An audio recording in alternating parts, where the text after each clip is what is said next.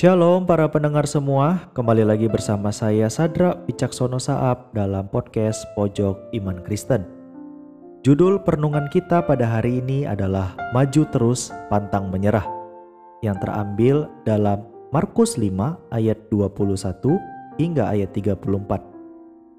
Sesudah Yesus menyeberang lagi dengan perahu, orang banyak berbondong-bondong datang lalu mengerumuni dia. Sedang ia berada di tepi danau, datanglah seorang kepala rumah ibadat yang bernama Yairus. Ketika ia melihat Yesus, tersungkurlah ia di depan kakinya dan memohon dengan sangat kepadanya, "Anakku perempuan sedang sakit, hampir mati. Datanglah kiranya dan letakkanlah tanganmu atasnya, supaya ia selamat dan tetap hidup." Lalu pergilah Yesus dengan orang itu Orang banyak berbondong-bondong mengikuti dia dan berdesak-desakan di dekatnya. Ada di situ seorang perempuan yang sudah 12 tahun lamanya menderita pendarahan. Ia telah berulang-ulang diobati oleh berbagai tabib, sehingga telah dihabiskannya semua yang ada padanya. Namun, sama sekali tidak ada faedahnya, malah sebaliknya keadaannya makin memburuk. Dia sudah mendengar berita-berita tentang Yesus. Maka di tengah-tengah orang banyak itu, ia mendekati Yesus dari belakang dan menjamah jubahnya. Sebab katanya, asal kujamah saja jubahnya, aku akan sembuh. Seketika itu juga berhentilah pendarahannya dan ia merasa bahwa badannya sudah sembuh dari penyakitnya. Pada ketika itu juga Yesus mengetahui bahwa ada tenaga yang keluar dari dirinya Lalu ia berpaling di tengah orang banyak dan bertanya, "Siapa yang menjamah jubahku?" Murid-muridnya menjawab, "Engkau melihat bagaimana orang-orang ini berdesak-desakan dekatmu, dan engkau bertanya, 'Siapa yang menjamah aku?'"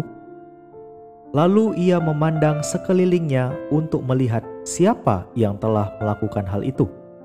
Perempuan itu yang menjadi takut dan gemetar ketika mengetahui apa yang telah terjadi atas dirinya, tampil dan tersungkur di depan Yesus, dan dengan tulus memberitahukan segala sesuatu kepadanya. Maka katanya kepada perempuan itu, "Hai anakku, imanmu telah menyelamatkan engkau. Pergilah dengan selamat dan sembuhlah dari penyakitmu." Para pendengar semua, setiap manusia pasti memiliki persoalan dan tidak akan terhindar dari yang namanya masalah. Semakin bertambahnya usia dan kedewasaan seseorang, maka semakin banyak tugas dan tanggung jawab yang harus dikerjakan. Sebagian orang mungkin akan terus berusaha untuk mengatasi keadaannya demi memperoleh keberhasilan, atau sebaliknya, sebagian orang akan pasif, pesimis, dan bahkan menyerah pada keadaan.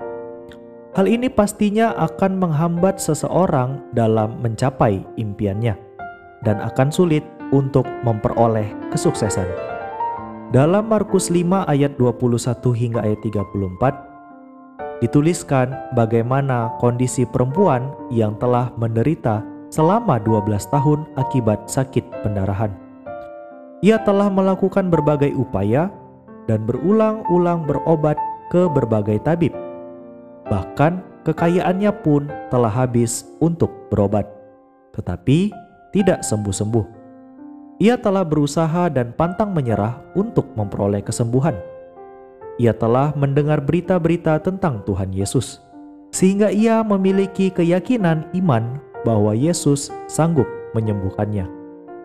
Hingga suatu ketika ia tahu bahwa Yesus akan lewat.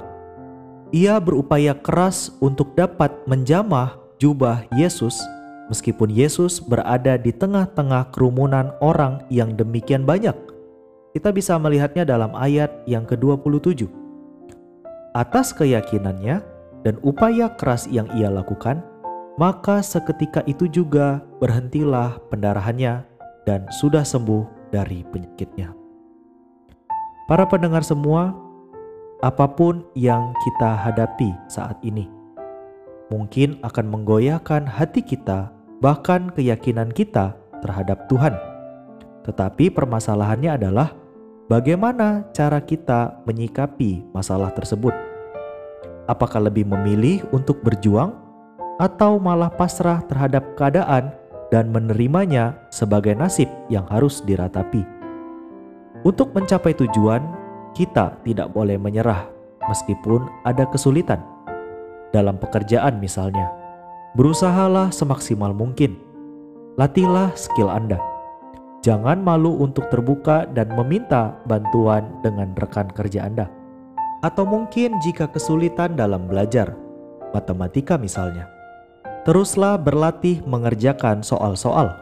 Jangan malu untuk bertanya, dan juga jangan lupa untuk berdoa. Hadapi setiap tantangan yang ada dan jangan menyerah. Sebagai anak-anak Tuhan, Ia mau agar kita tidak mudah menyerah. Terus maju, dan tetap berpegang kepada Tuhan. Biarlah perenungan kita pada hari ini menjadi berkat bagi kita semua. Tuhan Yesus memberkati.